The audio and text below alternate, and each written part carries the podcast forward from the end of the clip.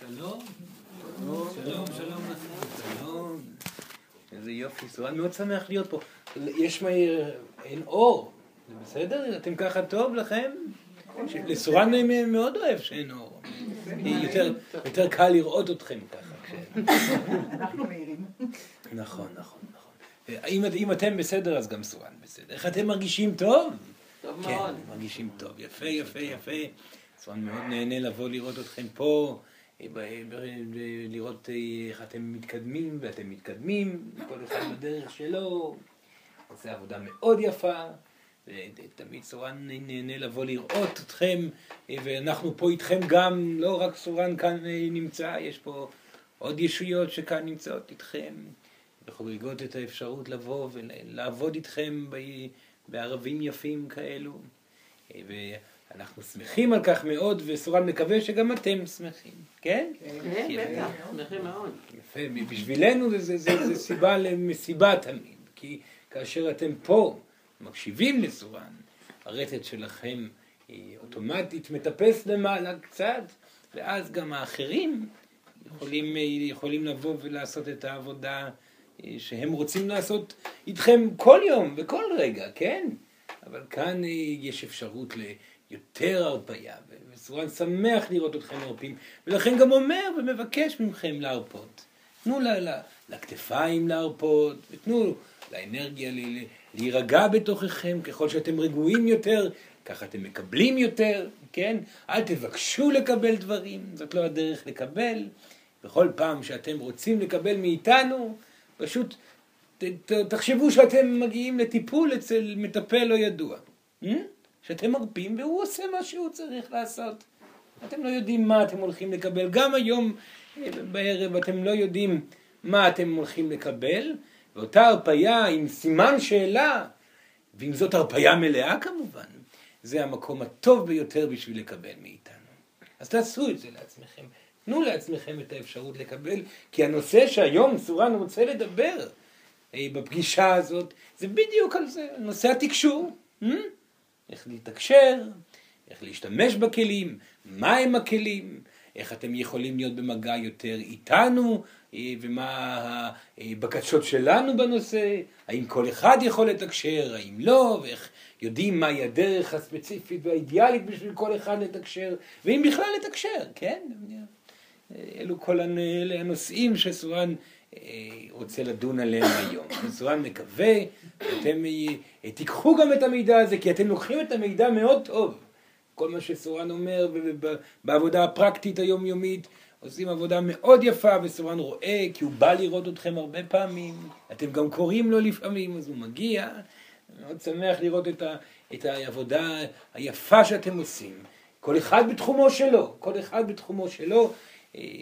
והפעם סורן ניתן עוד קצת כלים, אולי קצת פחות רלוונטיים להתקדמות היומיומית, אבל כן ייתנו תשובה, ואדם אשר מצליח כבר בהתקדמות היומיומית לקבל את שלו, זאת אומרת חש עושר בחייו מתוך אותו דיוק שדיברנו עליו, אותו מקום שמבקש מתוככם להתגבר על האגו ולהשתנות למען העושר הפרטי והאישי שלכם, אותו מקום שמבקש להתגבר על פחדים וכל מה שסורן אומר בכל פעם. אותם אנשים שעושים עבודה יפה עם זה, סורן מבטיח שיגיעו הרבה מאוד מתנות בדרך, וכמובן שמתנה אחת שהיא מתנה חשובה מאוד, היא באמת מתנת התקשור. כי אין ספק, דבר ראשון שאתם, כל מי שנוכח פה בחדר, ועוד רבים מהאנשים מלווים על ידינו, על ידי ישויות, ישנם רבים כאלו שלא. זה לא יהיה נכון להגיד ולומר שאתם, שכל אדם בעולם מלווה, זה לא נכון. לא, אפשר לומר שאפילו האחוז הגדול מהמין האנושי איננו מלווה. מדוע איננו מלווה? בגלל שהוא לא יכול בעצם אפילו לקבל את האפשרות שאנחנו קיימים. אדם שלא מרשה לעצמו לקבל את זה שאנחנו נמצאים ומתנגד התנגדות חמורה וחזקה לכל סימן מאיתנו. וזה מגיע בהתנגדות, לא בחוסר ידיעה. אותם אנשים שלא יודעים, לפעמים הם המתקשרים הטובים ביותר. אותם אנשים שבאים בכלל ללא מטרה לתקשר ולא חושבים על תקשור, כאשר הם באים ועוזרים לאחרים, התקשור עובר דרכם כמו מים, זה מגיע באופן טבעי. הבעיה זה לרוב האנשים שיודעים שקיים דבר מה ממעבר ולא מעיזים להתמסר לזה, מפחדים מהמשמעות ומחליטים עוד פעם ועוד פעם לכבות את עצמם בתוך הכאב ועוד פעם ועוד פעם להקשיב להיגיון הקר וכך מאבדים ככה יותר ויותר קשר איתנו. ואנשים כאלו ולא משנה, משנה כמה פוטנציאל תקשורי יהיה להם הם יישארו לבד. לבד בחייהם לרוב, בלי ספק כי הם אנשים כואבים ועצובים וכמובן שלא יכולים גם להכיל קשר עם אחד מאיתנו זה דבר שקורה לרוב, באמת לרוב מעטים ביחס כמותי הם האנשים כמוכם שפתוחים לדבר, שקשובים כל אחד ברמתו, וכך גם מקבלים את הנוכחות של הישות שנמצאת לידם. וכאן סורן שמח להגיד שבמקרה או לא במקרה, כל הנוכחים פה בחדר מלווים ומלווים היטב. ישנם פה מספר שמלווים על ידי ישות אחת, וישנם כאלו שמלווים על ידי שתיים, ויש פה כמה אפילו שמלווים על ידי שלוש. ממש, כן. וזה מאוד תלוי בפתיחותו של האדם. וברצונו גם לבוא ולהיפתח יותר ויותר, זה מאוד, וכמובן שכל אדם יכול להיות מלווה בכמות גדולה, וזה מאוד מאוד תלוי ב, ב, אה, בעבודה האישית ש, שהוא עושה. וכן, אתם מלווים, וכן לוחשים באזני אוזניכם, וכן תומכים בכם, ואתם לפעמים מרגישים את זה, וכן אתם שומעים דברים, לא יודעים אם להאמין בכך או לא, אבל זה קורה הרבה מאוד פעמים, וכן, רוב הזמן אתם, אתם ביחס ליכולות שלכם לא משתמש, משתמשים ביכולות. אתם, סורד אמר את זה, זה כמו להקיש על דלתו של חירש. רוב הזמן אתם חרשים. ולמה אתם חרשים? בגלל הדאגות. כי כאשר אדם דואג ומפעיל את אנרגיית השכל שלו יותר ויותר ויותר, זה כאילו שנשמע זמזום חזק, לא זמזום, זה כבר רעש, זאת המולה בראש, שאי אפשר כאשר היא נמצאת בתוך האדם, לבוא ולשמוע את מילותינו שלנו. אי אפשר. ודווקא כאשר אתם נמצאים ברוגע ובשלווה, הרבה פעמים זה קורה במהלך השינה, כאשר אדם מתנקם עם דאגות ורק החלומות נמצאים בתוכו אז הוא רואה וקולט מסרים דרך חלומות או אם אדם לדוגמה לפני השינה יש לו יכולת שמיעתית וישנם רבים עם יכולת שמיעתית כזאת לפעמים הם קולטים אה, אותנו מדברים ויש כמה כאלו שחוו את זה בעבר. נשמעו פתאום את השם שלהם נאמר ממישהו לא ידוע שהיה לידם. האם קרה לכם דבר כזה? כן. כמובן שזה קרה.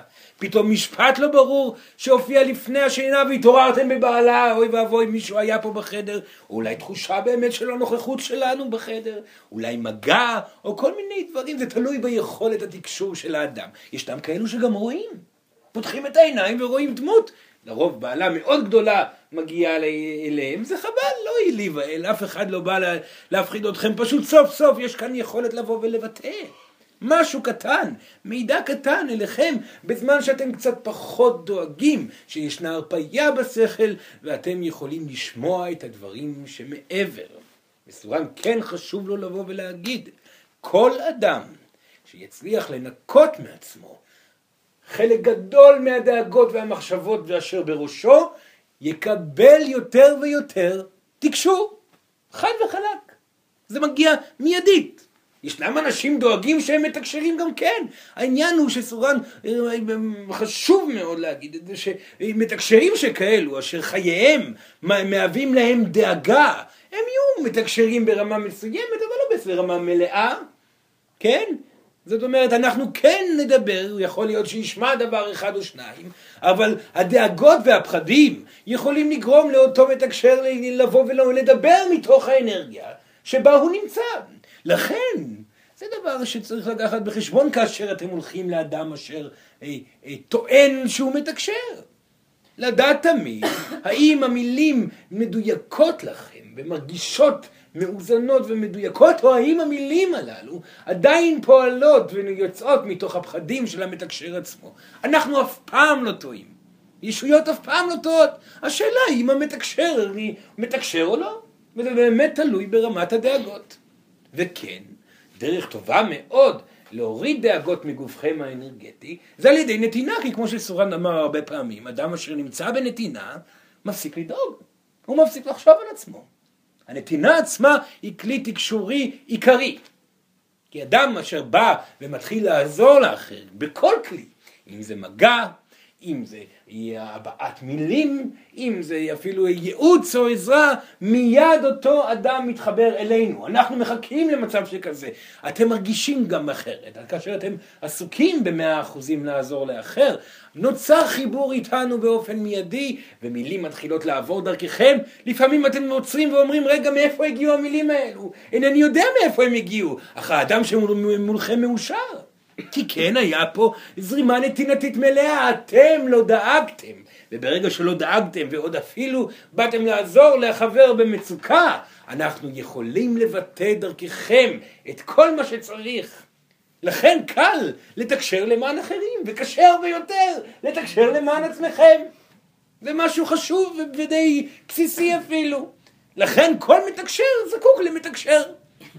כל מתקשר צריך אדם נוסף שיבוא ויראה את המקום שבו הוא נמצא ולשמוע טענות אה, נוספות, אה, אה, כי יכול להיות שהוא לא שמע מספיק.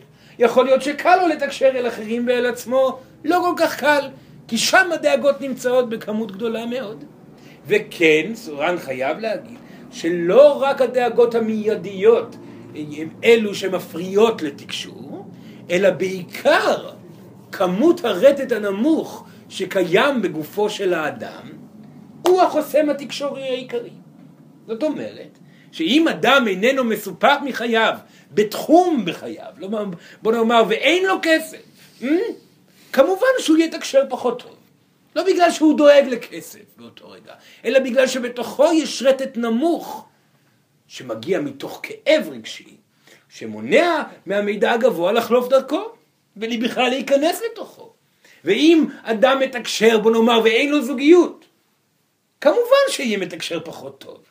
אדם מתקשר שאין לו זוגיות, הוא נמצא בכאב רגשי, וכמובן שהרטט הגבוה לא יעבור באופן מלא. לכן, הרבה פעמים אנחנו רואים, הרבה מאוד פעמים, דווקא את האנשים המתקשרים, הם אנשים שעסוקים בחייהם הפרטיים מאוד.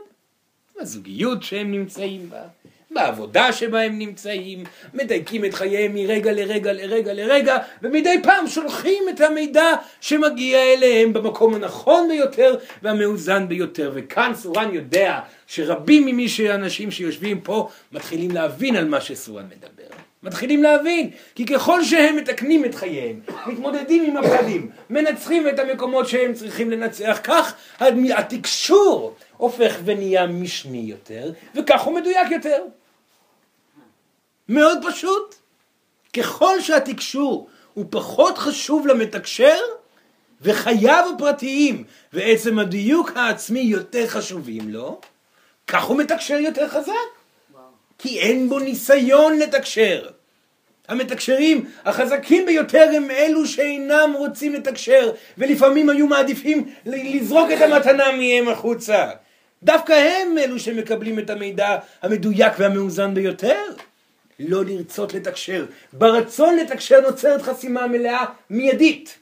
כי האדם, האדם שרוצה לתקשר, דבר ראשון מביע את כך שהוא חסר לו היכולת התקשור, זאת מועקה אחת. דבר שני, מה מביע האדם הזה, וזה סורן מקווה שאתם תבינו, אדם שרוצה לתקשר, מביע שהוא איננו מרוצה בחייו בתחומים מסוימים, ולכן משליך את האיזון על תחום התקשור. האם אתם מבינים את מה שצורן אומר? זה לא צריך לעניין אתכם לתקשר. התקשור הוא דבר שצריך לבוא במשניות. כמובן שיכול להיות חלק מרכזי בחייכם, וככה היינו רוצים שיקרה.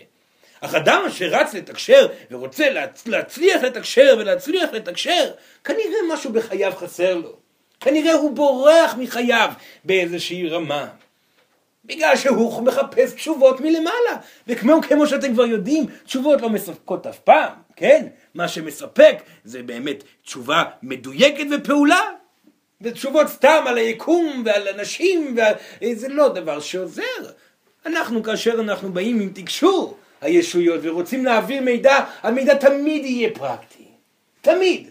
אנחנו לא באים לבלבל לכם את, השכל, כן? אנחנו לא באים במטרה כזאת. אנחנו רוצים לעזור. למה לעזור? לעזור בהתפתחות של כל אדם אל מול הפחד שלו. לא לספר סיפורים מיקומים אחרים. יש המון מתקשרים כאלו, מתקשרים עם ישויות מיקומים אחרים. סורן לא מזלזל בישויות האלו, לא, ממש לא. הישויות הללו הן ישויות, ישויות אה, חזקות ויפות, ויש להן רטט מאוד מאוד חשוב, וקל ו- ו- ו- וטוב גם לתקשר איתם. הן נותנות מידע מעניין וטוב, אך המידע הרבה פעמים של אותן ישויות רחוקות, שאליהם מגיעים האנשים אשר מנסים למצוא פתרון רגשי בתקשור עצמו ולא פותרים את חייהם ובעיות חייהם מרגע לרגע ובמעשים ובדיוק וכל מה שסורן אומר, הם בעצם ישויות אשר נותנות מידע עקיף ולא קונקרטי. והישויות האלו יש להם הרבה מאוד מילים אה, גבוהות וחשובות כי הם לא, קשה לבטא את כמות האנרגיה שלהם אה, והמילים הללו הם מילים מאוד כלליות. תאהבו, תחבקו, זאת הכל אמת, זאת אמת לאמיתה, כך מין האנושי צריך בסופו של דבר לעבוד ואלו הישויות שאנחנו מכנים אותן כאן, שם אצלנו בבית, הישויות מהמימד הרביעי אלו הישויות, אה, הישויות ברטט גבוה מאוד, שקל מאוד להגיע אליהם. רבים קוראים לישות, לישויות האלו אלוהים, יש ישויות שקוראים להם בשמות אה, מכל מיני יקומים וכו' וכו' וכו'. ישויות מהמימד הרביעי אשר נותנות מידע כללי ולא ספציפי. והוא טוב ויפה, ועם זאת קל הרבה יותר לתקשר איתם. קל מאוד לתקשר איתם, להיפתח למימד הרחוק. כי בסופו של דבר התקשור עם אותן ישויות איננו מאתגר את האגו של המתקשר. קל לדבר על דברים שקיימים באינסוף אם לא מדברים על דברים שהם חשובים וקונקרטיים לחיים הפרטיים. וכן, ישנם מתקשרים מתחילים שמיד קופצים מספר מימדים לעבר המימד הרביעי וחיים את המידע האינסופי שנותן אותו, אותו, אותה ישות שבסופו של דבר אם הם היו קשובים לרצונותיה האמיתיים של הישות שאיתה הם מדברים, הם היו שומעים את התשובה הפשוטה. אנחנו רוצים שתתקשרו עם הישויות מהמימד השלישי. מי אלה הישויות מהמימד השלישי? סורן והחברים שלכם. אנחנו, שבאנו לדבר על דברים קונקרטיים מאוד.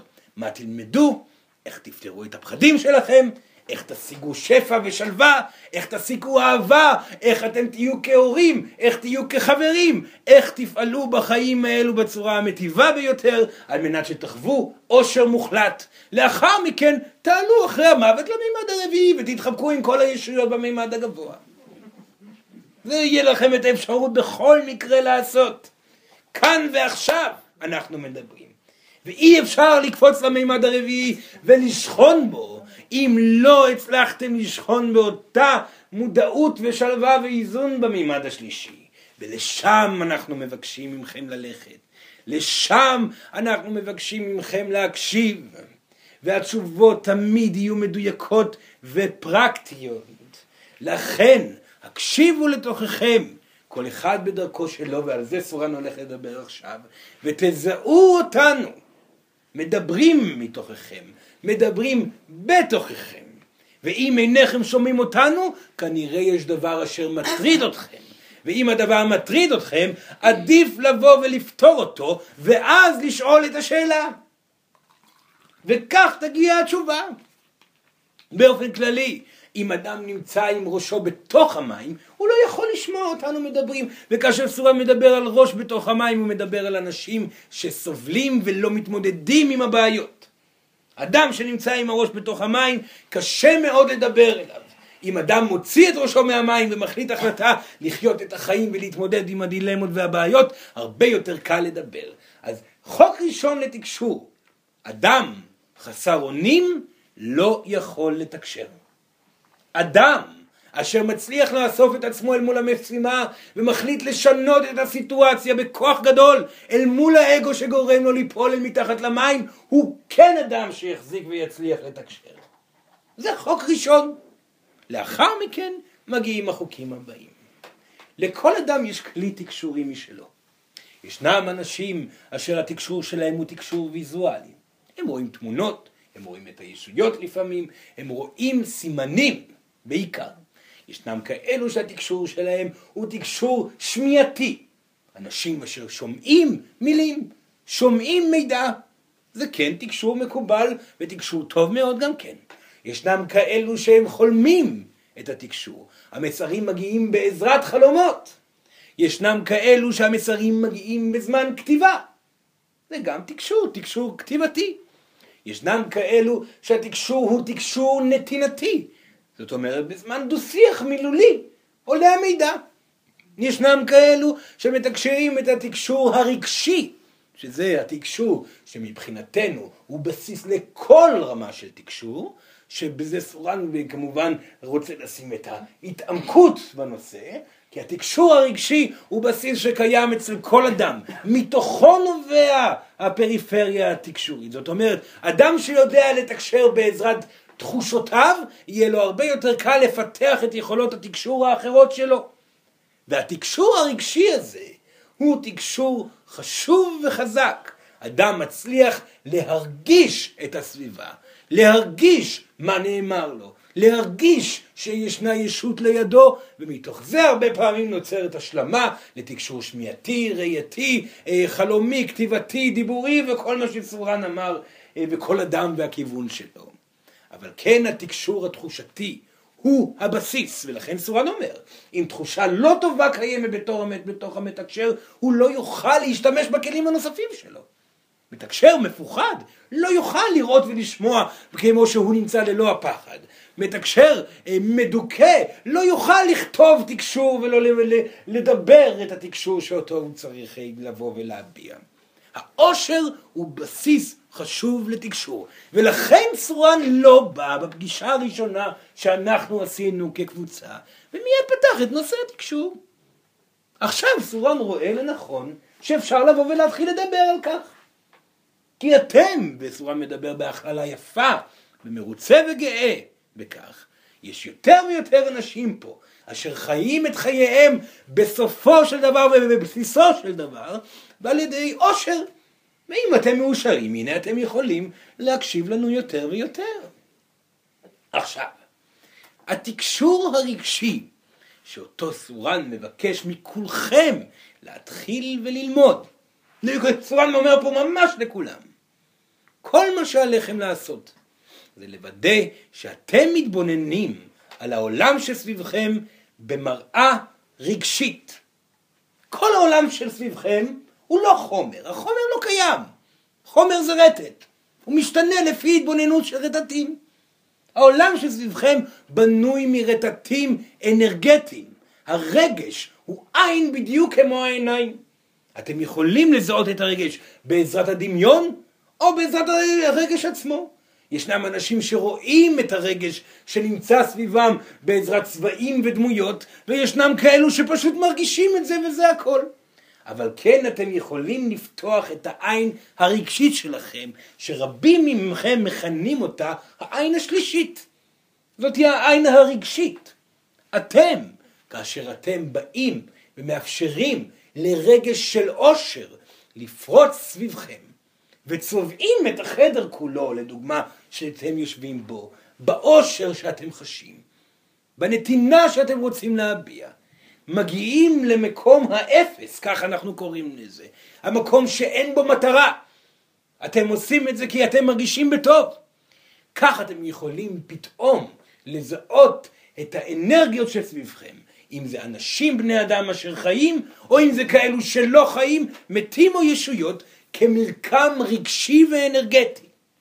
מקום האפס הזה זה המקום שבו אתם מגיעים אליו בזמן מדיטציה. וכן, סורן מעריך מאוד מדיטציות.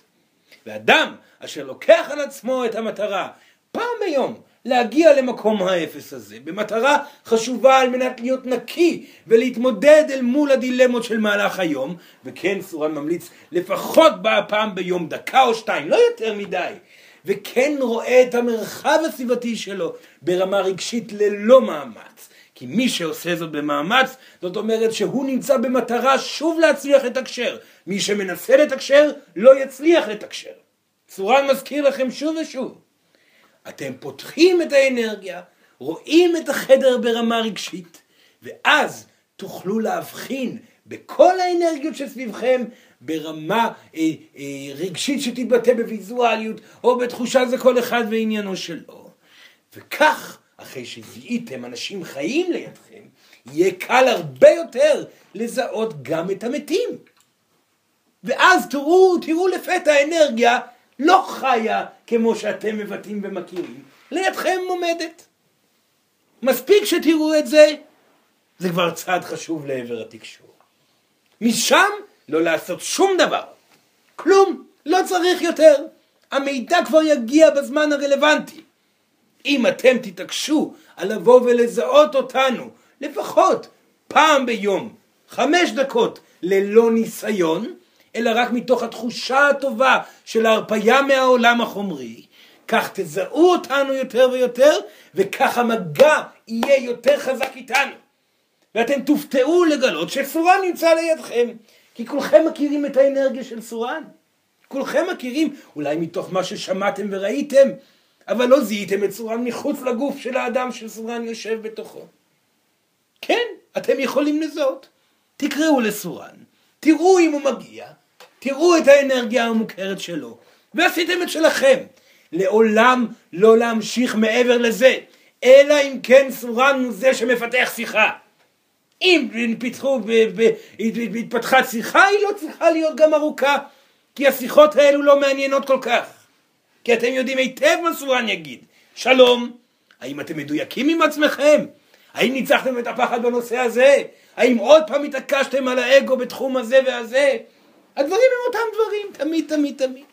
אבל כן חשוב שאתם תחושו את צורן, תחושו את החברים שלכם, וכך המגע התקשורי יגדל ויגדל ויגדל, ותמיד לזכור, לא לרצות בתקשור, הוא יבוא לבד, וככל שאתם מדויקים ומאוזנים יותר בחייכם, כך תזהו את כלי התקשור יותר בתוככם, וכך לפתע, לפני שבכלל תדעו, וגם את זה סורן יודע שיש פה כמה אנשים שכבר מחוברים למילים הללו, אתם תשבו עם אדם, ובזמן שתדברו איתו, אתם כבר תתקשרו.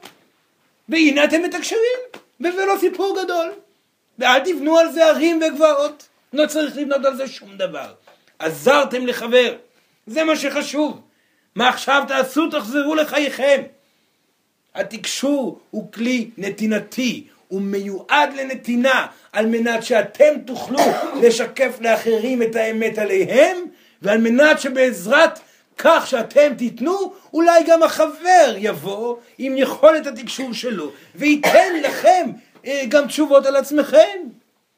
כי כמו שסורן אמר, חשוב לשמוע מאחרים את האמת בגלל שאם אינכם שומעים את האמת של האחרים, אינכם רואים את התמונה במלואה. התקשור הוא כלי נתינתי. מעבר לזה, כל מה שיגיע, ויגיעו דברים כמובן, מגיעים מחיבורכם לרטט הגבוה. וכן, ישנו רטט גבוה יותר. וכן, העולם הפיזי הוא לא קיים. וכן, אנחנו סביבכם כל הזמן. ויש פה ישויות שמלוות חלקכם כבר גלגולים שלמים, וכולכם מכירים אותנו מלפני. מי שפה חושב שבגלגול הפיזי הזה זאת פעם הראשונה שהוא פגש את צורן, התשובה היא לא. צורן מכיר אתכם כבר הרבה זמן, קבעתם עם צורן להיפגש בחייכם האלו פה איתו כבר מלפני שבאתם לגלגול, ואפילו אמרתם לצורן מתי מתאים לכם להיפגש, וצורן חתם איתכם על חוזה מתי, בדיוק כמו הישויות שלכם. אנחנו איתכם כבר הרבה מאוד זמן. אנחנו מלווים אתכם כבר הרבה מאוד זמן. ואתם יודעים את זה. לכן אף אחד מהנוכחים בחדר, בפעם הראשונה שראה את צורן, לא אמר, או, oh, זאת פעם ראשונה שפגשתי את צורן. לא ידעתי שדבר כזה קיים. לא. כולכם הכרתם את צורן מלפני, ואמרתם, או, oh, אותו אני מכיר, אינני יודע מאיפה, אך הוא נשמע לי מוכר. וזאת האמת. אנחנו מכירים, אנחנו עובדים ביחד במטרה חשובה יותר מהכל, לתת לכם ושאתם תיתנו לנו. כי עצם זה שאתם קשובים לסורן, אתם נותנים לסורן את האפשרות לבוא ולהתפתח איתכם. זה מהלך הדדי. התקשור הוא נתינתי לכל הכיוונים. וכאשר אתם מלטפים אדם שנמצא איתכם, אתם מתקשרים. וכאשר אתם עוזרים לאדם ומביעים אהבה אליו, אתם מתקשרים. כאשר אתם מטפלים טיפול פיזי, טיפול אנרגטי, אתם מתקשרים. כאשר אתם יוצרים יצירה, אתם מתקשרים. כי הרבה ישויות, במיוחד של האנשים היפים שכאן נהנים ליצור, אפשר ל- ל- לומר שהם מוזות. שמלוות אתכם, כך אפשר לכנות את זה, זאת אומרת תקשור עם ישות יצירתית שנותנת ומעבירה מידע דרככם. כל נתינה, יצירה ועשייה מלווה בתקשור באופן מיידי.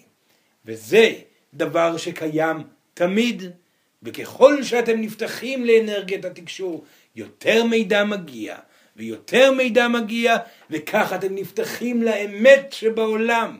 האמת שהגוף הפיזי לא קיים, והאמת שאפשר לנוח מלחץ ומדאגות, והאמת שאם תרגישו בטוב הכל יהיה טוב.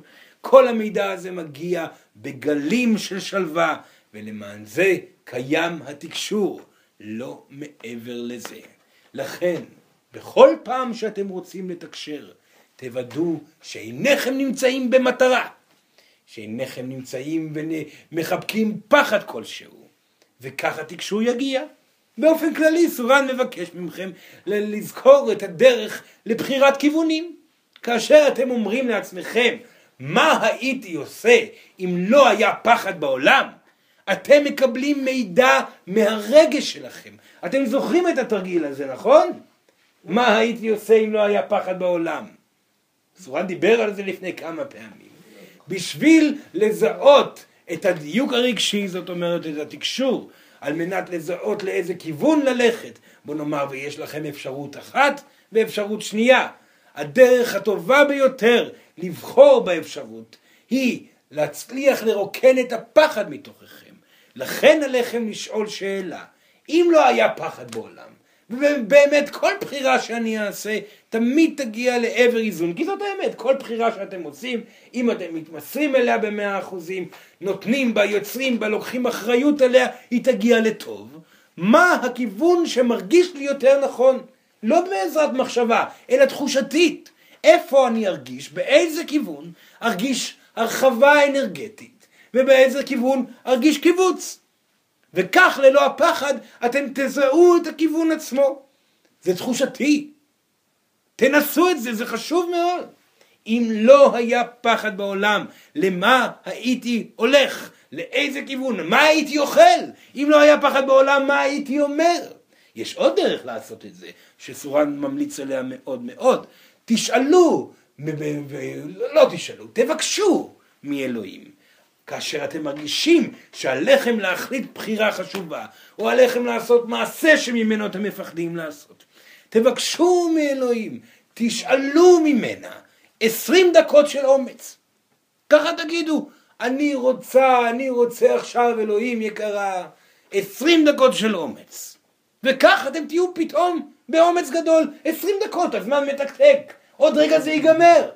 תגידו לעצמכם, יש לי עכשיו עשרים דקות של אומץ, מה הייתי עושה? הייתי הולך לדבר עם הנערה הזאת, אם אני חושק בה, הייתי בא וכן מציג את עצמי אל מול האנשים ומבקש לעשות כך וכך, הייתי הולך אל, ה, אל הבוס אה, שלי ומבקש העלאה, בוא נראה מה האומץ היה אומר, או אולי היה אומר, אולי הגיע הזמן לשתוק קצת אם אני אמיץ, ואני לא צריך לדבר. באותו רגע כאשר אתם אמיצים, אתם חשים את הכיוון המדויק.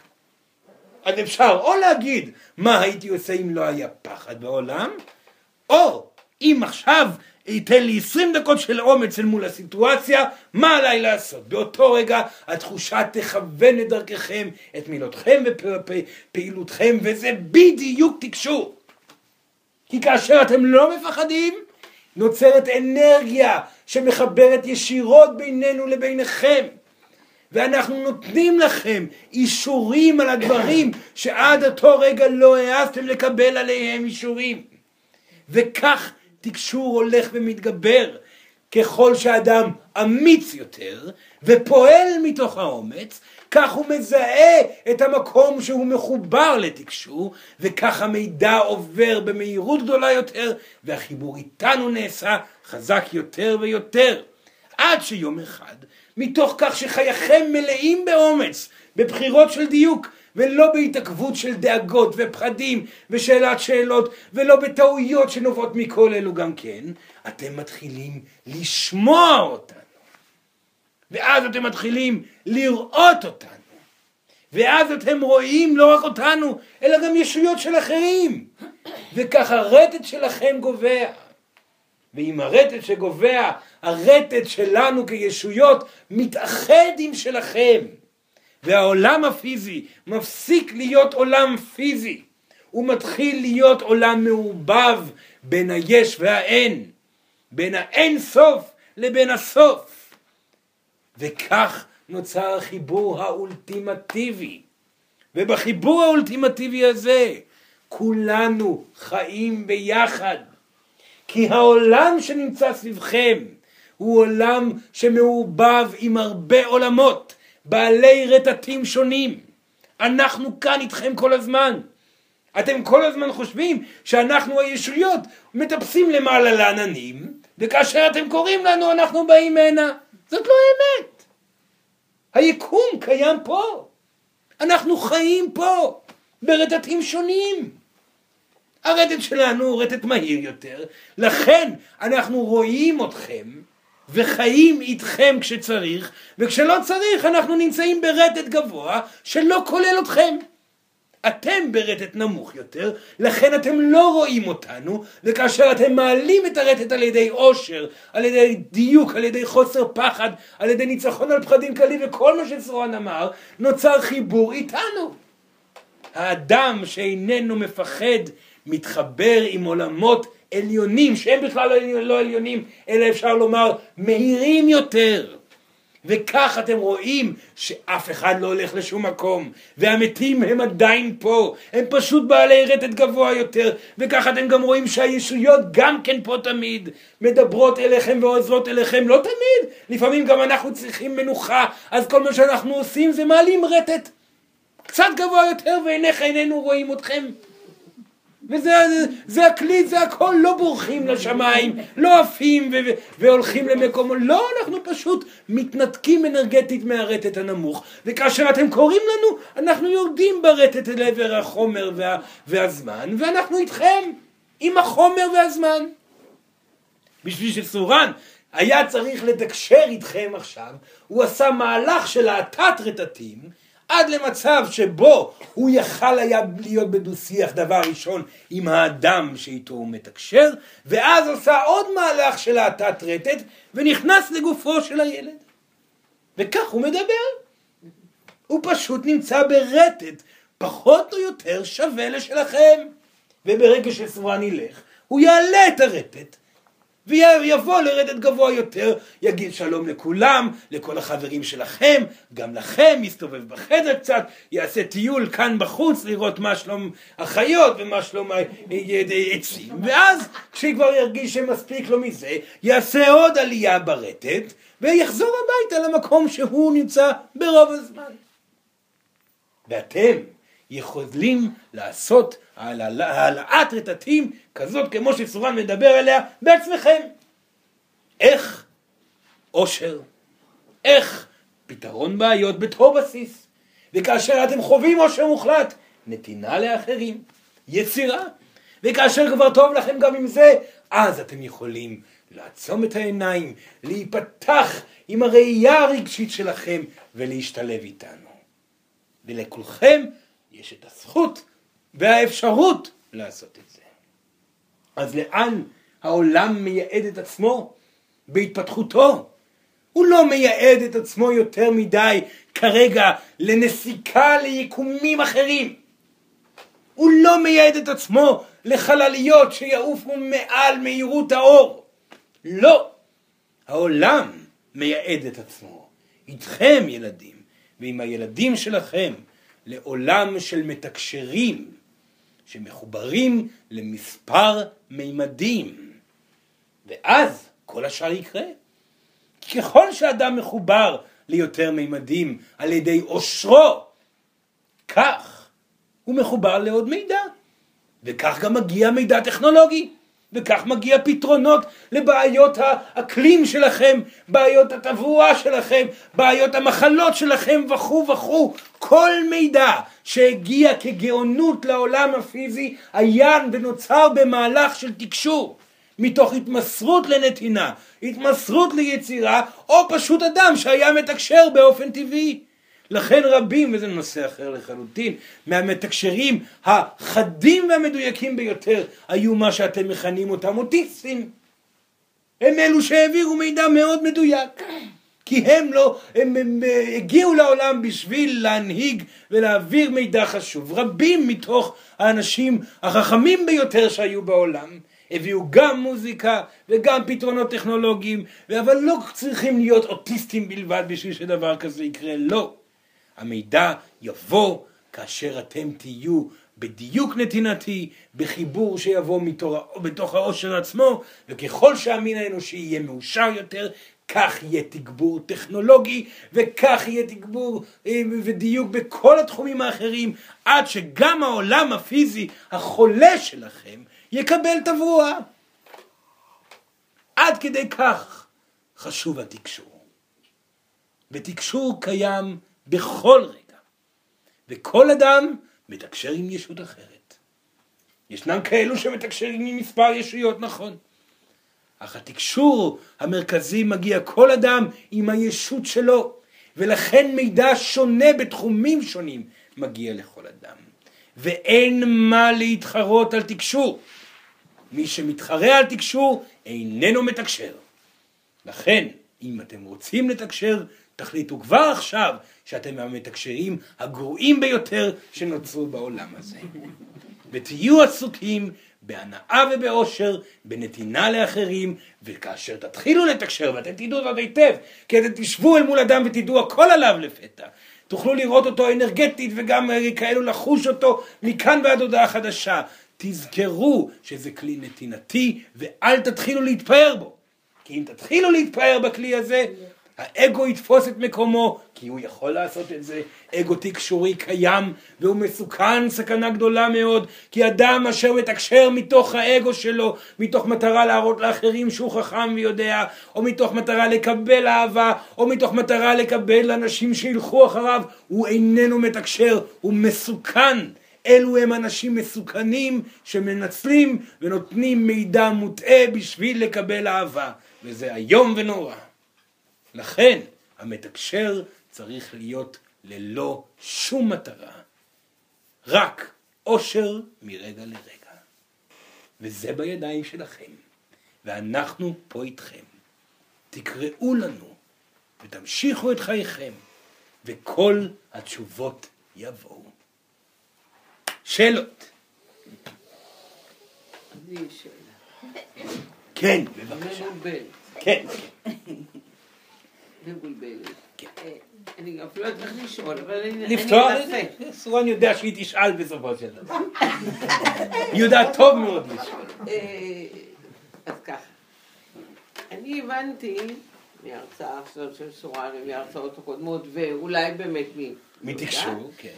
שרק צריך להגיד תודה רבה רבה רבה על כל מה שיש, ולהצטער מה שיוצא בתוכי ולבקש סליחה ולסלוח, תודה. ולאהוב את הכל ואת הישות ואת את כן. צורן וחברה, כן. ויותר שום דבר, נכון. זה הכל. זה נכון. ככה? הבנתי ככה? היא צדקה מאוד, זה בדיוק מה שסורן אמר פה. לא. פתח את נושא התקשור וחזר לחייכם הפרטיים.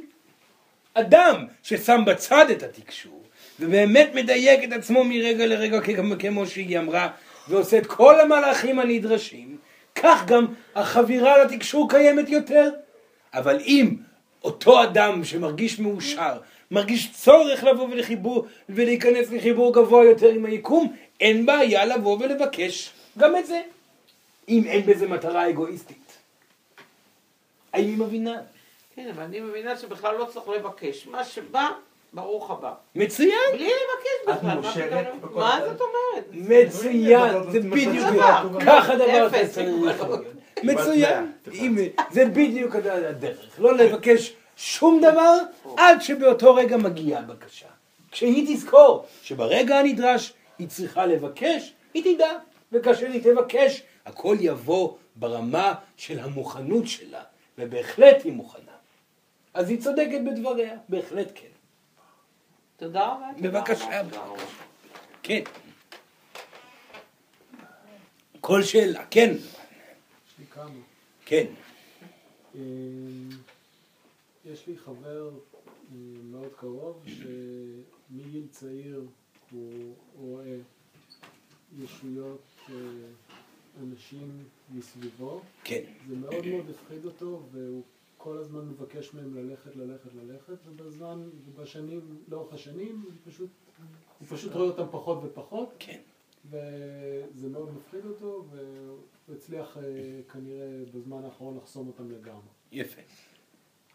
אה, אבל עכשיו, כשסיפרתי לו על סורן ועל חבריו, אה, משהו בו ככה טיפה מסוקרן לגבי העניין הזה. איזה עצה אני יכול לתת לו בהקשר הזה לטובתו? לטובתו. סורן מאמין שהמהלך שעשה אותו חבר הוא מהלך דווקא מלא בבריאות. זאת אומרת, הוא שם לעצמו גבולות למקומות שהפחידו אותו, והתעסק יותר ויותר בעולם. אותו אדם יקבל את המתנות שלו כאשר יהיה מוכן אליהן. אז כל מה שעליו לעשות זה להסתקרן, בהחלט, למה לא? לקבל אה, את הדברים כמו שהם, ולהמתין לזמן שכולם יחזרו. כאשר אנחנו נחזור, הוא כבר יהיה מוכן. זה יבוא בזמן שבו הוא יהיה מוכן. בינתיים, כל עוד הוא מפחד, יכול להמשיך את מסע ההתנתקות שהוא עשה עד כה. כן. אה, סורן דיבר על זה שיש אנשים שלפני השינה, אה, דווקא אז מגיע הזמן אה, של התקשור. אני לא יודע אם זה נחשב תקשור, ואני רוצה לשאול את סורן. כן. אה, לפני השנה אני שומע, אה, לפעמים אני שומע אה, הרבה קולות של אנשים שונים, אבל הם אומרים דברים שאני לא מצליח, זה לא שאני לא מצליח להבין, אני מצליח להבין אבל אין לזה שום קשר למציאות שלי, אה, אני לא מצליח לעשות מזה שום דבר, לקחת את זה לשום כיוון, זה כאילו משפטים רנדומליים. כן, ולא של בן אדם אחד של יותר, וזה לפעמים קורה, ופשוט אה, לפעמים אני קצת מקשיב לזה ואני אומר אוקיי, ואז אני נרדם. יפה. דבר ראשון זה טוב להירדם כך, זה, זה בסדר גמור. יש הרבה מקרים כאלו שאדם אשר חווה את המשפטים הללו, הם מגיעים בעצם מצבירת אנרגיה במהלך היום. הצבירה משתחררת על ידי אותם משפטים. בתוך ההמולה הזאת יש את האפשרות לשמוע אותנו. וכאשר אנחנו מדברים, הדבר ברור מאוד. ולא יהיה לו בעיות להבין את זה. אז לא לנסות ל- אה, לתפוס את המשפטים האלו ול- ולמצוא את המקומות, פשוט להרפות בתוך זה, ולאט לאט, בגלל שהיכולת שלו היא בהחלט שמיעתית, לפי מה שהוא מבטא כאן עכשיו, לאט לאט המידע יתגבש ויהיה ברור יותר ויותר. עכשיו, מעבר לזה סורן רוצה להסביר עוד דבר לגבי תקשור. אתם, שאינכם רואים אותנו, ולא רואים ולא חווים אותנו, זה מעיד על כך שאתם מפחדים מזה. אדם שאיננו רואה ישויות, או אדם שאיננו אה, מרגיש ישויות, או לא מרגיש מתים, מעיד על כך שהוא מפחד מלתקשר. למה? כי זה יכול להיות מאוד מפחיד, גם מלהיות עמוס במידע כל היום, וגם מסיבה שנייה שהחברה לא תקבל אותו עם המידע הזה. וסורן רוצה שאתם תדעו את זה, כי יום אחד, כאשר יעמוד ממולכם מטרת התקשור ברמה מדויקת, זאת אומרת לא מתוך מטרה לתקשר, אלא מתוך הבנה שאתם זקוקים לזה על מנת להמשיך ולגדול ברמת העושר, אז תצטרכו להתמודד אל מול הפחד עצמו של לתקשר. ואז תצטרכו להגיד, מדוע אני מפחד מלתקשר? בגלל שאני מפחד מה אנשים יחשבו עליי, בגלל שאני מפחד על כך וכך וכך וכך, ולנצח את הפחדים, וככל שאדם ינצח יותר מהפחדים הללו, כך יכולת התקשור שלו תגבר. אין מה לפחד מתקשור. מה שכן מצד שני, אין מה לרצות בכך. כאשר אדם מתוך שלווה בחייו שלו ירגיש צורך להיפתח למימד הנוסף ורק מתוך המקום הזה הוא יצטרך לעשות את המהלך של ניצחון הפחדים על התקשור עצמו. כן. יש עוד אנשים שמתקשרים את צורם? כמובן שיש עוד אנשים. אתם מתקשרים את סורן גם כן, כאשר סורן בא ומדבר איתכם, אתם שומעים אותו ומרגישים אותו, בהחלט. והכוונה היא, האם יש עוד אנשים שמתקשרים את סורן אה, ברמה הזאת שכרגע... אה, שי הילד. כן, כן, כן, כן, סורן, אה, עכשיו סורן הבין את השאלה. אה, לא. לא, פשוט מאוד, מסיבה פשוטה שאין הרבה אנשים עדיין שיכולים להכיל אנרגיה כזאת, ואין אנשים כרגע עדיין שמצליחים לסחוב את האנרגיה של סורן גם אל מול אה, אה, כמות גדולה של אנשים. יש אנשים שיכולים לתקשר את סורן, אבל סורן לא רואה סיבה לתקשר איתם. Hmm?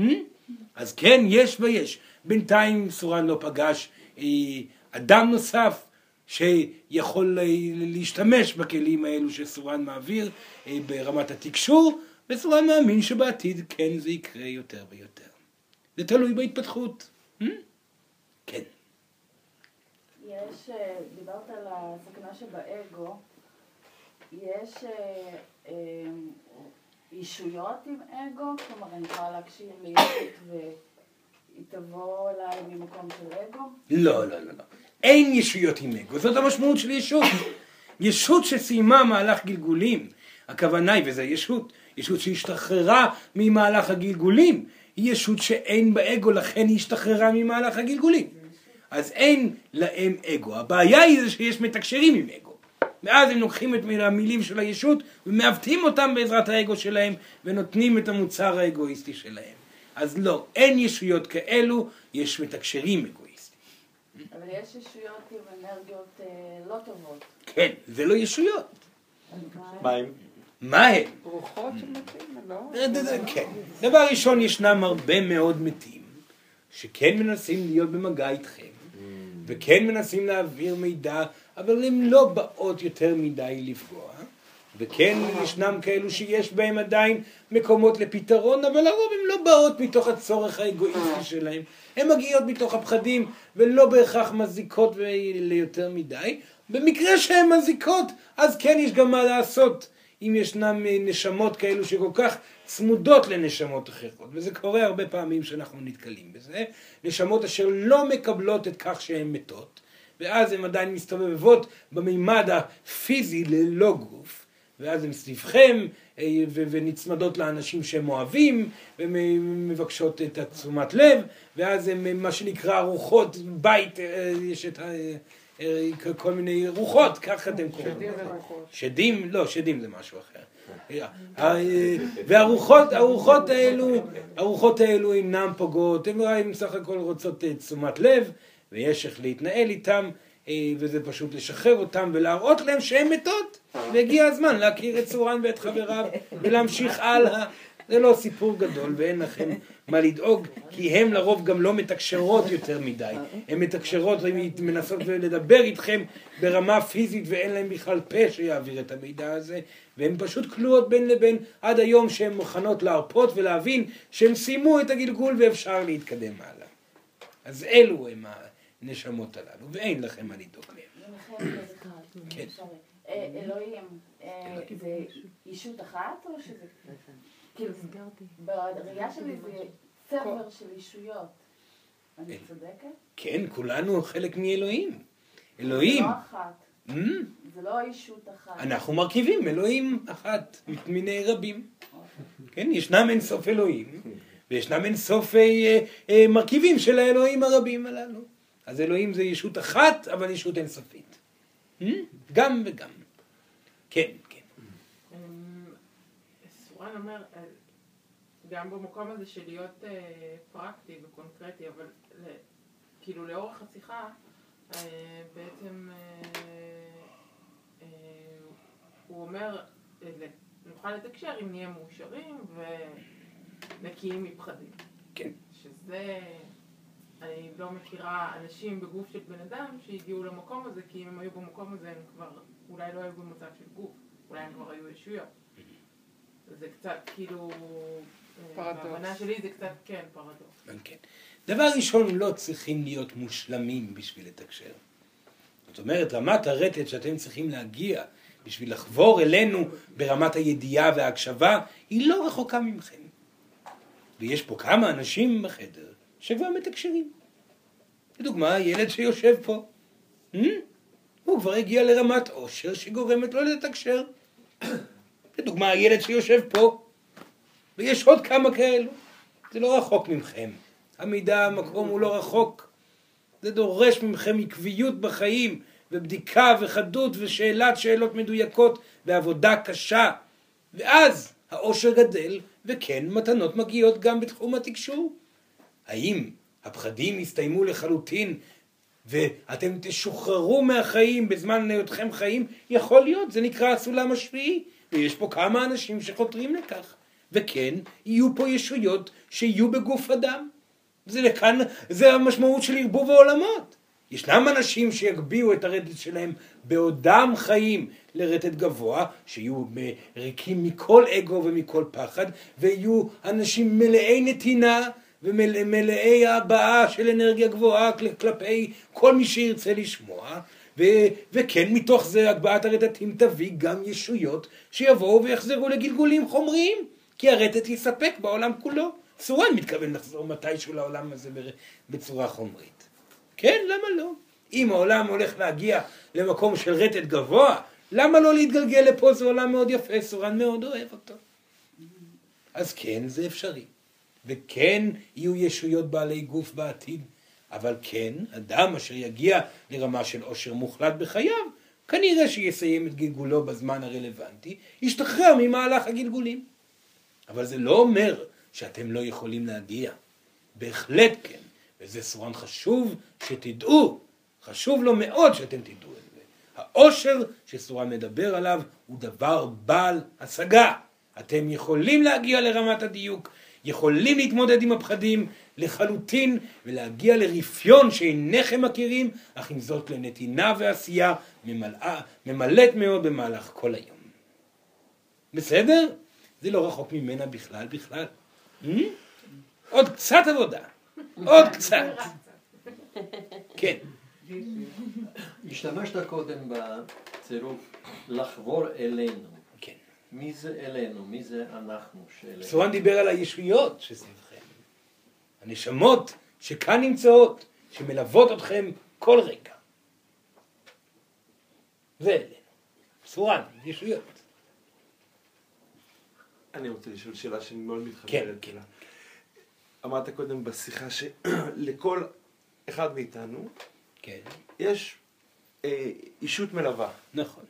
כל אחד יש לו את המיוחדת שלו, פחות או יותר, או את האישות שלו, או כמה, בסדר, אבל נגיד לכל אחד נכון. יש גוון אחר, כמו שכל אחד מאיתנו קצת שונה מהאחר, ועם זאת מאוד אומר, כל אחד יש לו את נכון. הפרייבט שלו. נכון. בשלו בלבד? ממש לא. לא, אבל אחת שהיא צמודה אליו, אה, נכון, בזוגתו. לכל ישות לרוב היא לוקחת מספר אנשים. זה לא, כן. אין סיבה להתעכב רק על אדם אחד, יש הרבה אנשים לעזור להם. אה? אז כן, כן, בהחלט, לכל אדם פה יש ישות אחרת שעסוקה עם עוד אנשים ברטט דומה או ברלוונטיות זהה.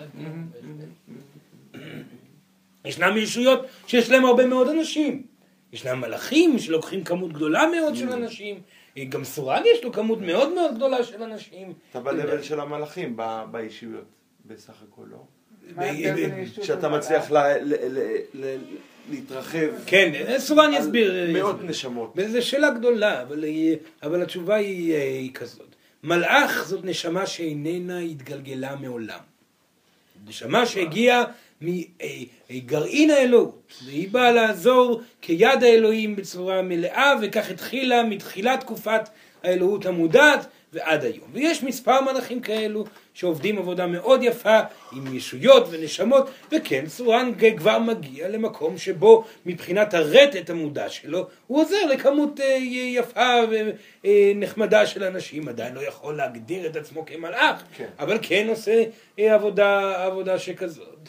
אה, אותם מלאכים יש נמצאים אה, אה, בעבודה תמידית, באמת בעבודה תמידית, הם הגיעו ללא אגו והם מראה מיידית של האלוהות והם עושים גלגולים בהתאם, אה, סביב הנושא הזה. כן, אני רוצה. כן, כן, כן. כמו שאמרת, שקשה לנו לתקשר לעצמנו ויותר קל... לתקשר לאחר, כן. לאחר.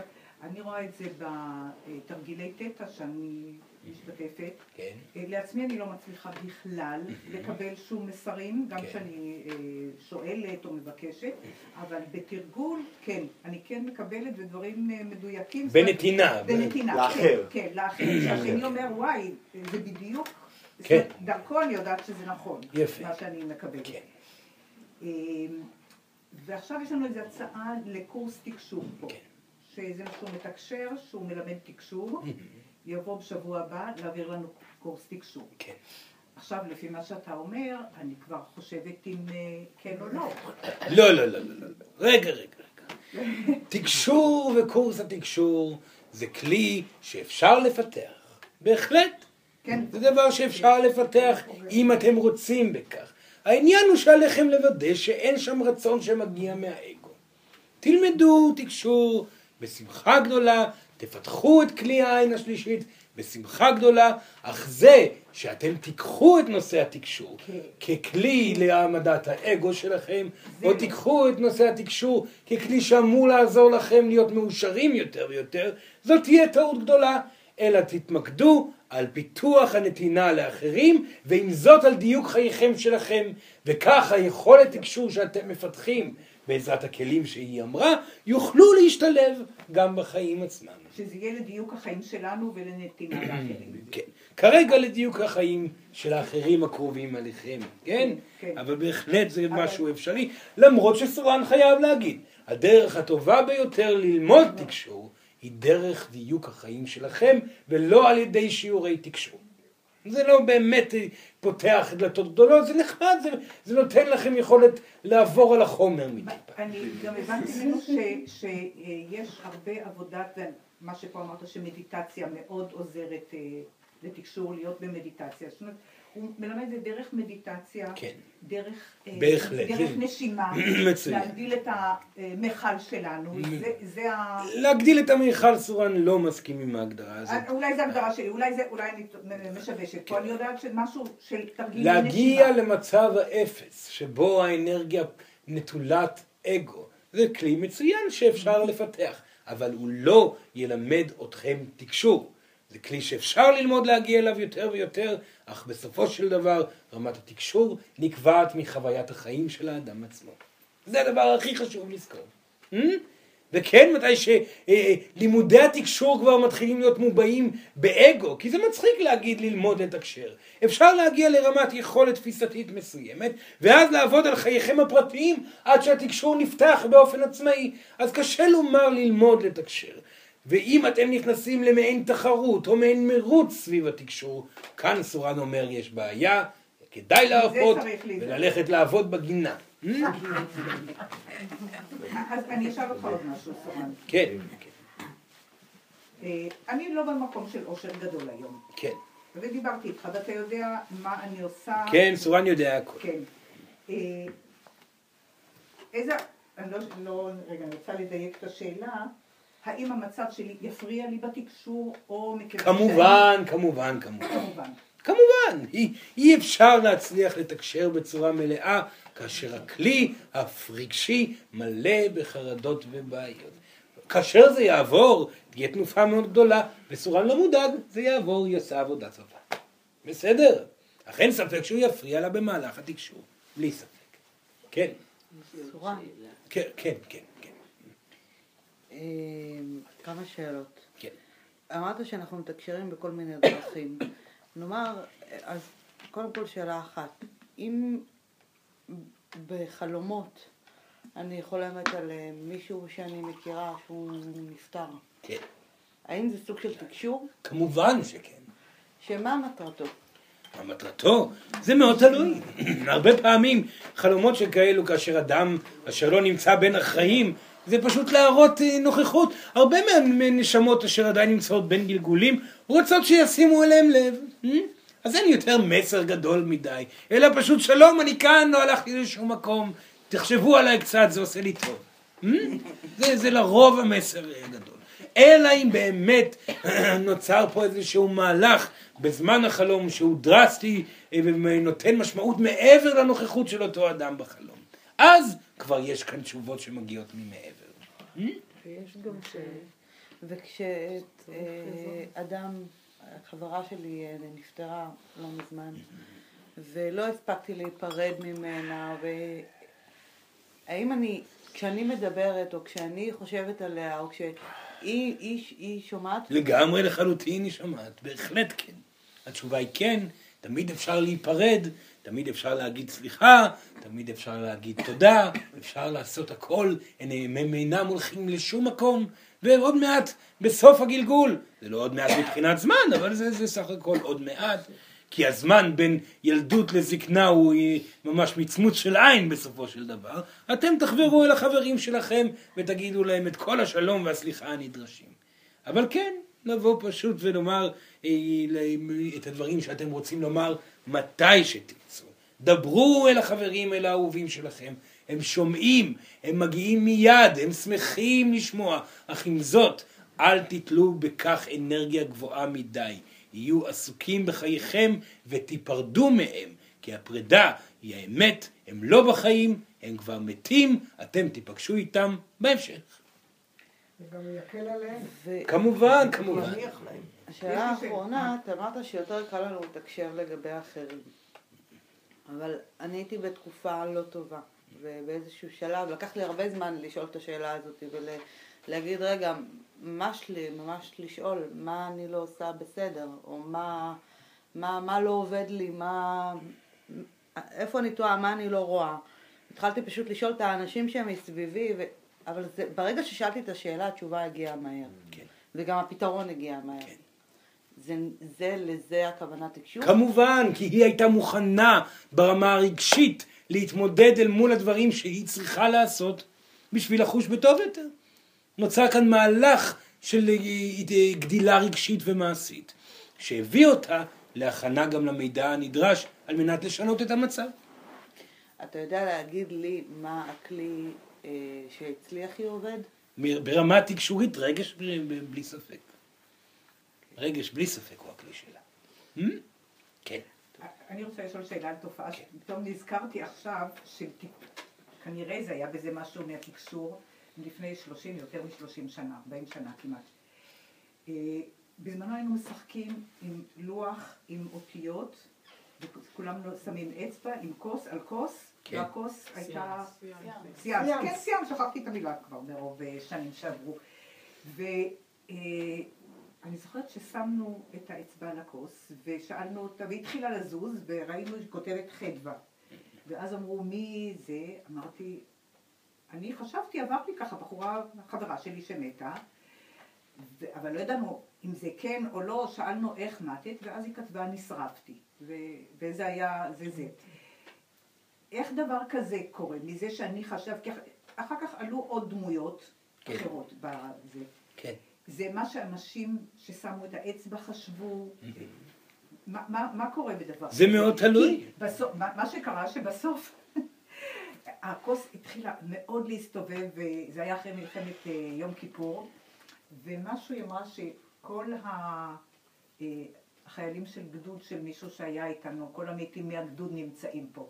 ואני פשוט אמרתי, חבר'ה, אתם לא הולכים מכאן לפני שכל המתים עוזבים את הבית, זה אצלי בבית, ואני לא נשארת לישון עם כל המתים בבית. תסביר, מה... מה... כן. דבר ראשון, זה, זה מאוד תלוי במקרה, כן? סורן באופן כללי לא ממליץ לעשות את הפעולה הזאת. זה להביא נשמות שאינן מוכנות עדיין לבוא ולפגוש ולדבר, אלא ומביעות הרבה פעמים פחדים ומצוקות. סורן ממליץ לא לעשות את זה, נשמה שכבר מוכנה לבוא ולדבר, תגיע לבד. כן, אז עוד לא הבנו תקשור בכלל. בסדר, בסדר. לכן זה דבר, דבר שסורן לא ממליץ לעשות אותו. במקרה הזה כן הייתה נוכחות, וכן הייתה הגברה של הנוכחות מתוך הרצון וה, וה, והדמיון והרצונות הפרטיים שלכם, זה גם וגם. בסדר? לא לעשות את זה. בבקשה לא לעשות את זה. זה חבל, חבל להטריח נשמות לא מאוזנות. Hmm?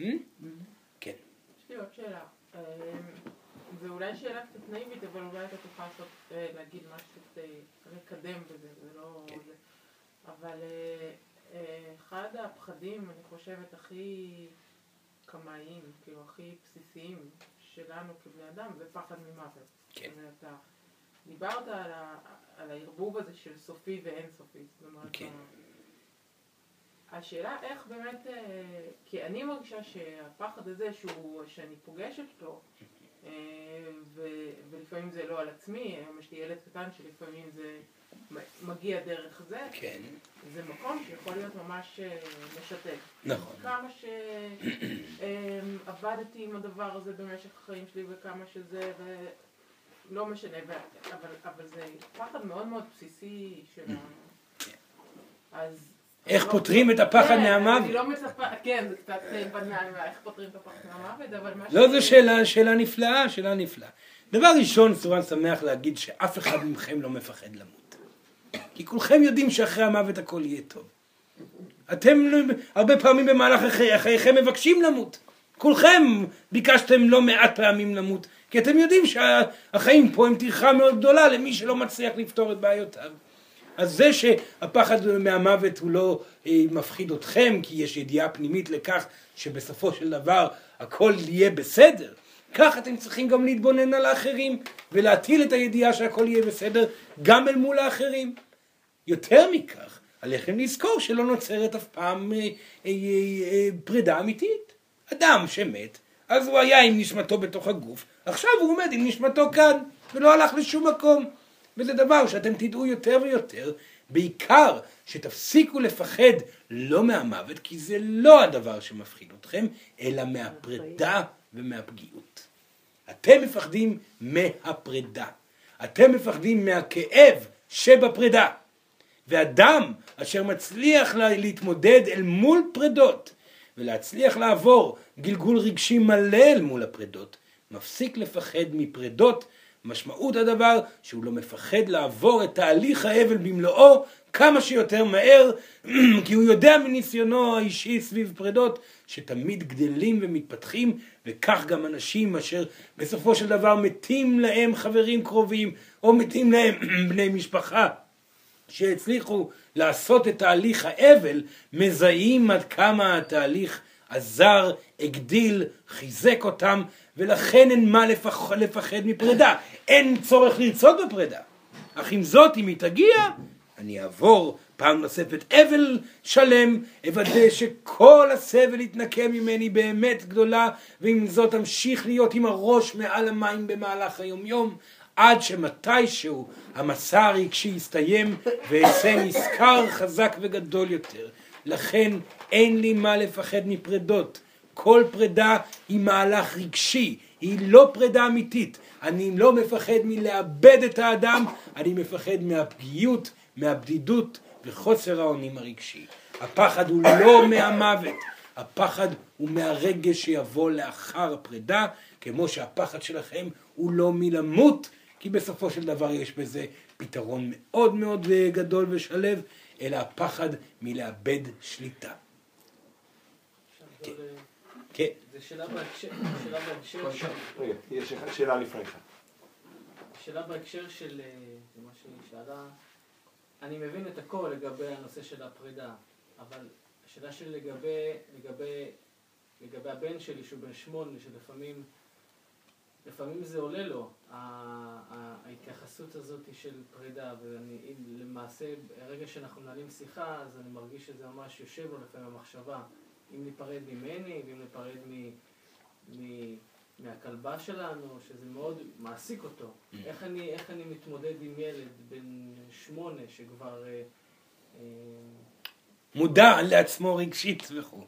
כן, זאת אומרת, זה, זה, זה מדהים, השאלות שלו הן לפעמים מאוד... אה, אה, אה, אני מרגיש שהוא יכול להעביר לי לפעמים אה, שיעורים. כן. בדברים שהוא אומר. אבל לגבי השאלה הזאתי, אה, איך אני, איך אני למעשה מתמודד איתה? מצד אחד, הדברים שאתה אומר הם מאוד מובנים לי, איך אני מעביר את זה אליו ביחס לגיל, כדי שיבין. כן. אחת כמה וכמה שה- שאימא שלו היא לא, לא, זאת אומרת, מבחינתה, במידה ואני אגיד לו את הדברים האלה כמו שאתה אומר אותם, אז הם לא יבואו לאוזניים ש... כן. זה נושא אחר, כן? כן. זה נושא אחר. שעליו להתמודד איתו. מה אני עונה. לא לשכוח שכל דור שמגיע הוא מפותח בהרבה מדורו הקודם. זאת אומרת שהילד שלו מפותח בהרבה ממנו.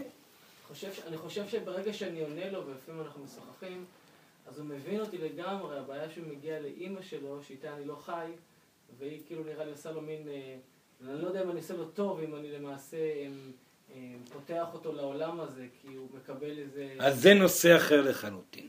בלי ספק הוא עושה לו טוב כאשר הוא נותן לו תשובות של אמת שמרגיעות ומאזנות את כל הסיטואציה. עכשיו אל מול האימא הוא צריך למצוא רמה של דיוק ואיזון. לבוא ולהגיד את הדברים בשלווה גם אליה. ולהרפוא ולגרום לה גם כן להירגע אה, ולהיות מדויק מולה זה נושא אחר לחלוטין. וכאשר כל עוד הוא יהיה מדויק ומאוזן, כך התגובה גם של האימא וגם של הילד תהיה בהתאם. זאת אומרת, אני צריך להמשיך ולענות לו לדברים שאני מרגיש. כמובן, לא בהגדלה גדולה, אלא בעיקר לעבוד אל מול הדיוק האישי שלו, אל מול האימא של הילד. כן, כן, כן, גם, אתה רצית לשאול שאלה. כן. בבקשה. כן. כיוון שאני פה פעם ראשונה, אז אני עוד לא יודע לשאול שאלות שימושיות, כמו פרידה או עושר, אז תרשה לי שאני אשאל שאלות כן, לשאול מה שצריך. יסודיות. כל מה שצריך לשאול, לא מי הוא צורן? מי הוא סורן? כן, רגע, רגע. רגע, בבקשה. בבקשה ילדים. איך... איך הוא הגיע ל... רגע, איך רגע, השם הזה הגיע אלינו? מי אתה שאתה יכול לפרש עוד את דבריו בצורה נכונה? כי השתמשת גם כן בביטוי הזה תשובות נכונות או אמיתיות מדויקות. ולא נכונות. מדויקות, הוא אומר. מדויקות. כן. אה, האם יש עוד כמוך? אה, מי ממנה אותם? איך, הם, איך אנחנו, למה עליי להאמין שהתשובות שלך הן הנכונות? או שמי, אם יש עוד כמוך שהם המבטאים אותו נכונה. יפה, בסדר, בסדר. סורן יסביר אה, בכמה מילים. סורן הוא ישות, הכוונה היא נשמה שסיימה גלגולים, מסיבה שפשוט הגיעה לחוסר פחד בעולם הפיזי. הוא היה אדם. היה אדם כמובן. ארבע פעמים. ארבע פעמים היה אדם בעולם הפיזי. לא חמש? לא שלוש? לא, ארבע פעמים. לא חמש ולא שלוש. לא, הוא עונה לך ברצינות. סורן הוא. רגע, מה זה ברצינות? עבר ארבעה גלגולים. ארבעה גלגולים צריך סורן. תשובה מקיפה. סורן עבר ארבעה גלגולים בחיים. אה? כן? ואז השתחרר מהעולם הפיזי. למה ניצח את הפחדים, את הדאגות וכל הדברים ששמע פה היום. לאחר מכן סורן קיבל את האפשרות לעבוד עם אנשים ולתת לעוד ולעוד אנשים. כמו הרבה ישויות, וכן ישנם הרבה מאוד ישויות. אה? חוץ מסורן יש רבים. זאת אומרת, ישויות אתה מתכוון ל... לנשמות שסיימו סיימו את הגלגולים שלהם בעולם הפיזי. עכשיו, למה להקשיב לישויות? פשוט מאוד כי אנחנו בעלי ניסיון. אנחנו בעלי? בעלי ניסיון. עברנו את כל מה שאתם עברתם. יש בנו מידע מתוך ניסיון עצמי, זה הכל. שוב, אתה אומר אנחנו, אתה אחד מהם. אחד מהם מיני רבים. Hmm? ואף אחד מאיתנו בינתיים איננו את זה. לא, אתם עדיין פה בעולם הפיזי. למה אתם פה בעולם הפיזי? בשביל הניצחון על הפחדים. ואתה הי- אתה היית בעולם הפיזי? סורן היה בעולם הפיזי, כן. ועשה את המהלך שלו בשביל להשתחרר. אני חושבת שמה שחסר פה זה ההבנה שסורן מדבר האם מתוך עכשיו אתה בעולם. הפיזי? סורן עכשיו בעולם שאתה הפיזי. מדבר אלינו? נכון. להשתלב בגופו של הילד והוא עכשיו בעולם הפיזי. הילד זה שי, סורן, אה, תסביר, הוא לא מבין שיש פה גם שי וגם סורן. כן, כן, כן. אז את זה יסבירו לו, יסבירו- נכון. לו בפעם הבאה לפני יואב. מאיה תסביר לו בסדר. מאיה תסביר לך, אם לא תבין, יש לך בעיה גדולה. מההתחלה. לא, זה שאלות, זה שאלות, זה שאלות נפלאות וחשוב, חשוב שישאל את השאלות. הכל בסדר, הכל בסדר. אנחנו ממשיכים. רגע, בבקשה, בבקשה, חבריה. חבריה, תלמה, שנייה. אנחנו ממשיכים בצורה מסודרת לשאלה הבאה ולשמור על ריכוז. כן, כן, בבקשה. אה, קודם מה? וסורן אה, עשה הבדלה בין שד לבין אה, מתים, אני לא זוכר. מלאך. לבין... לא, לא. רוח. שדים ורוחות. ורוחות. כן, אני מאוד סקרן, כאילו, דיברת על מלאך שזה ישות שמעולם לא התגלגלה לפה. כן. אז הראייה של בני אנוש של מה זה שד היא מאוד לא ברורה, יש הרבה מאוד ראיות. אבל סורן כן הבחין שקיים דבר כזה. כן, כמובן שקיים. אתה יכול טיפה להגיד מה זה שד? סורן לא יודע אם זה, נכון לפתוח את הנושא הזה פה עכשיו. אה? אה, סורן מאמין שזה אה, נושא שסורן כרגע לא יתעכב עליו, מסיבה פשוטה שיש כמה אנשים שלא, עדיין לא רלוונטי להם לשמוע דבר כזה. רק סורן חייב להגיד שאין לכם מה לדאוג מהם, כל עוד אתם לא משחקים איתם, הם לא משחקים איתכם. זה הכל, בסדר?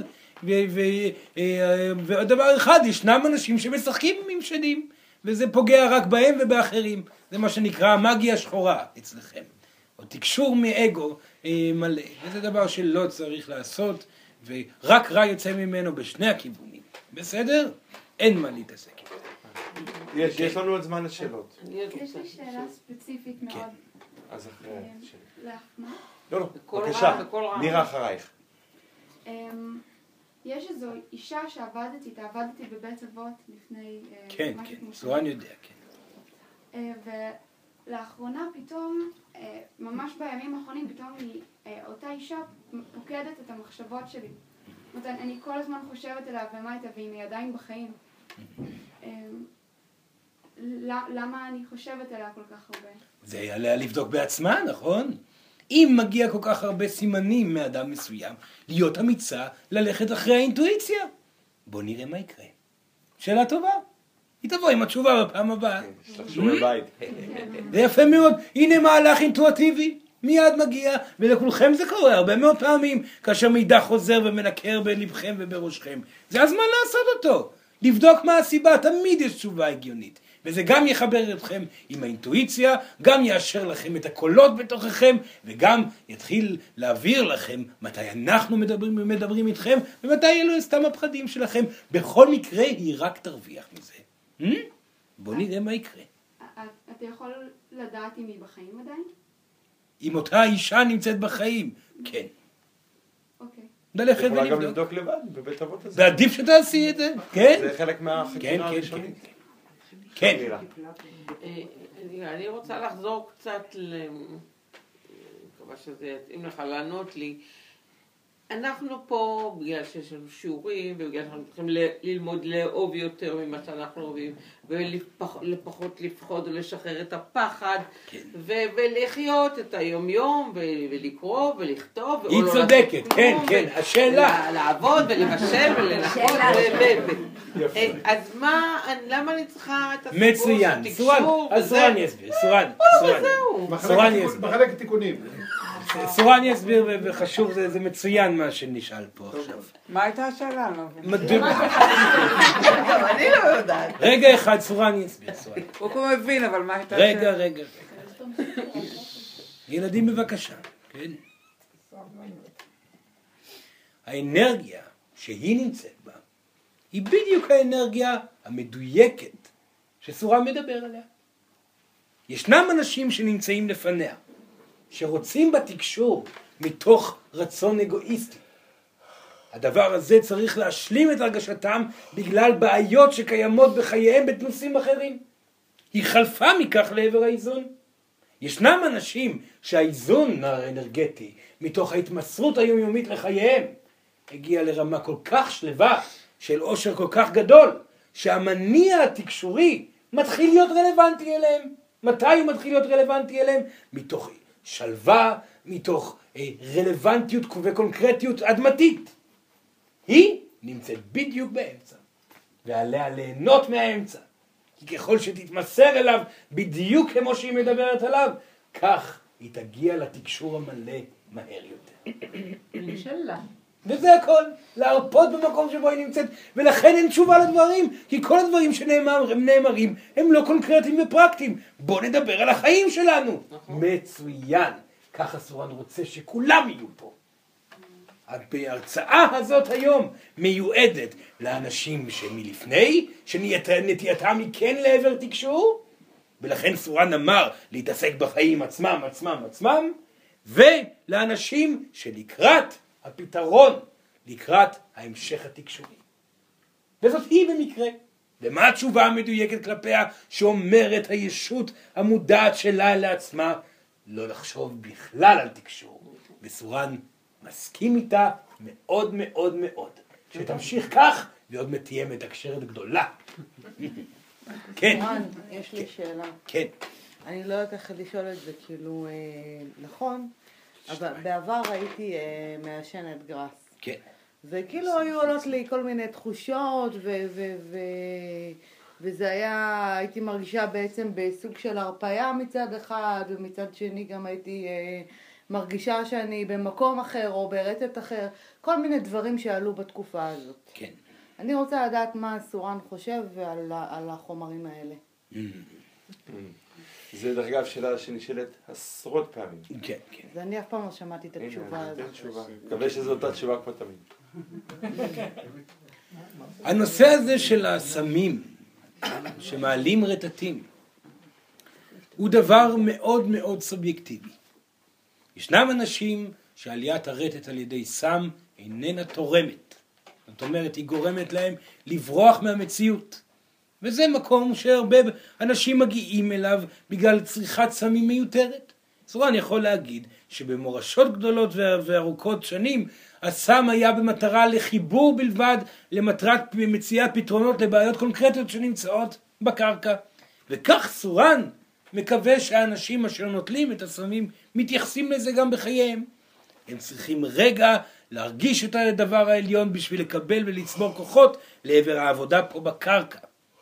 הסם עצמו, כאשר משמש בריחה מהמציאות, הוא נפלא ויפה כי הרטט באמת גובע, האמת נגלית לעיניים שלכם אל מול עיניכם, אך בסופו של דבר כאשר אתם יורדים מאותו רטט גבוה שהיה מתוך הכלי החיצוני, אתם חוזרים לחיים ריקניים, והדבר הזה הוא מאוד בעייתי. לכן סם לא טוב לאנשים שכאלו. אדם אשר מדויק בחייו, פועל יום יום באיזון מלא, וכן מרגיש שמדי פעם, וכמובן לא בתדירות גבוהה, כי זה כבר תהיה ברמה מסוימת בריחה, מדי פעם זקוק למידע, זקוק להתבוננות גבוהה יותר, למנוחה קטנה על מנת לחזור ולהיות מדויק ולהמשיך את עבודתו הרוחנית בקרקע, כך אדם יכול באמת לחוש שלווה אל מול הסם הזה. סמים אחרים, סורן לא לרוב לא מקבל אותם, אלא אם הם טבעיים ומגיעים ברטט ובזמן הנכון. האם אה, סם אה, אה, מסוג אה, קנאביס יכול לפגוע בבן אדם מבחינה נפשית?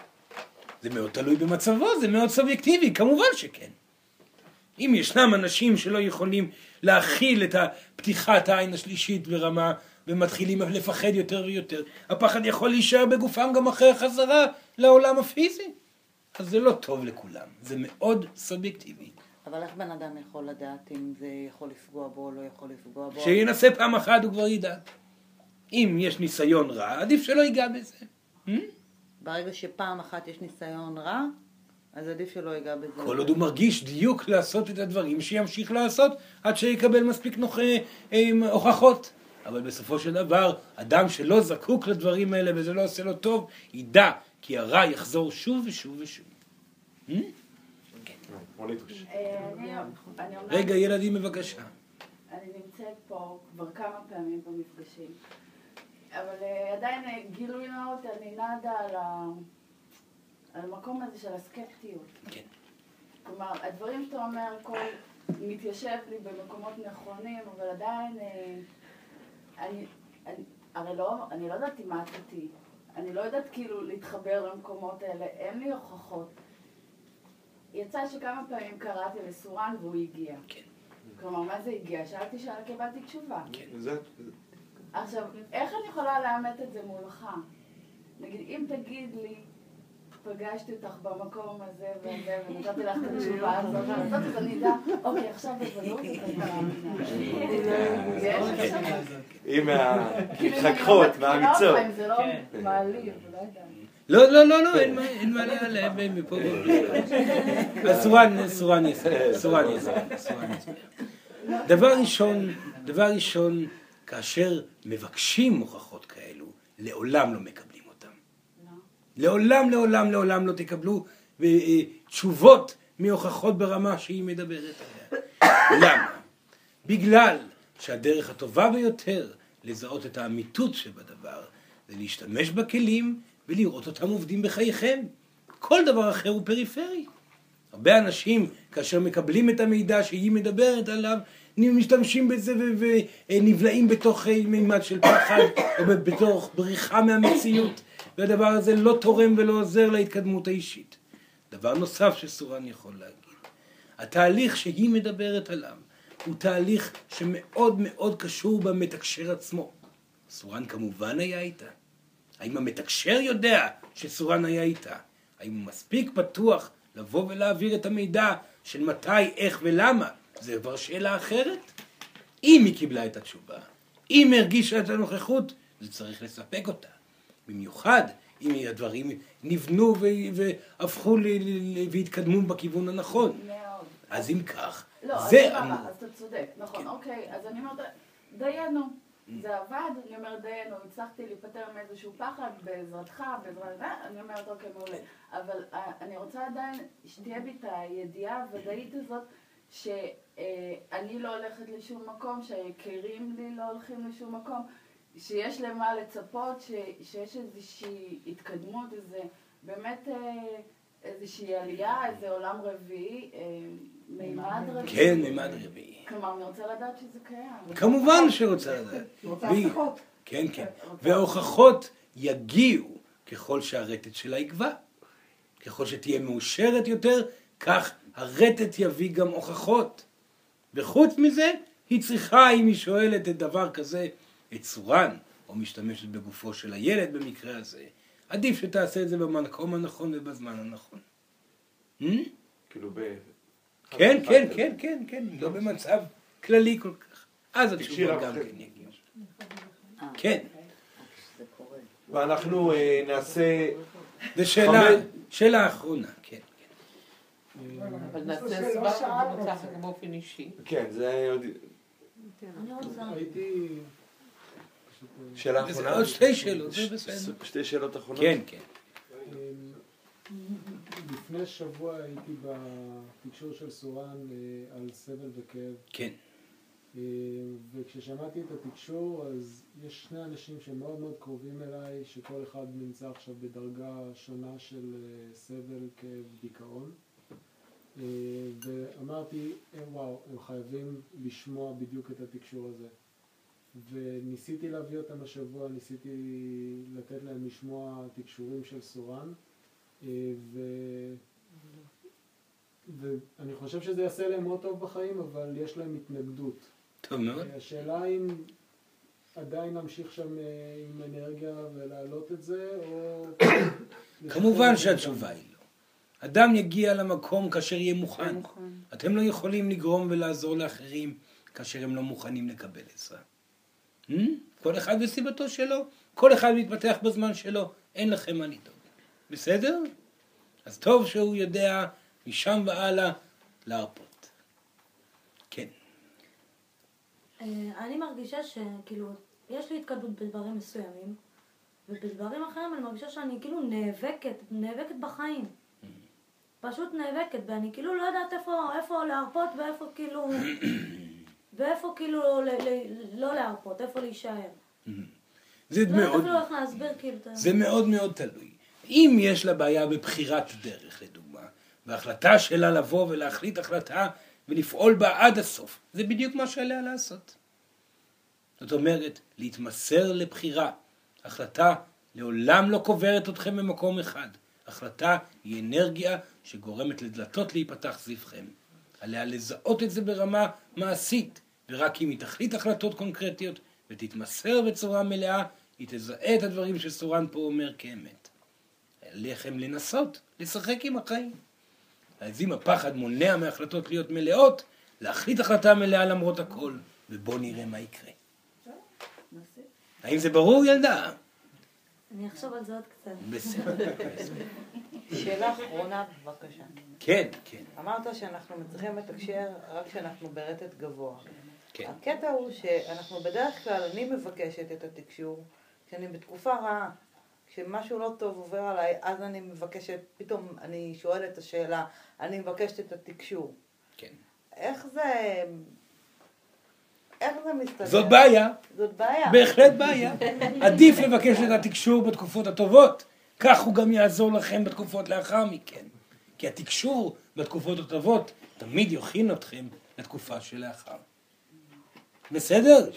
בזמן התקופה הקשה הגיע הזמן להיעזר באחרים. בשביל זה אחרים קיימים. Hmm? לא להתעלות בהם, אלא לבקש. לשאול שאלה, לקבל תשובה, להתקדם אל מול האגו. בסדר? מצוין, ילדים.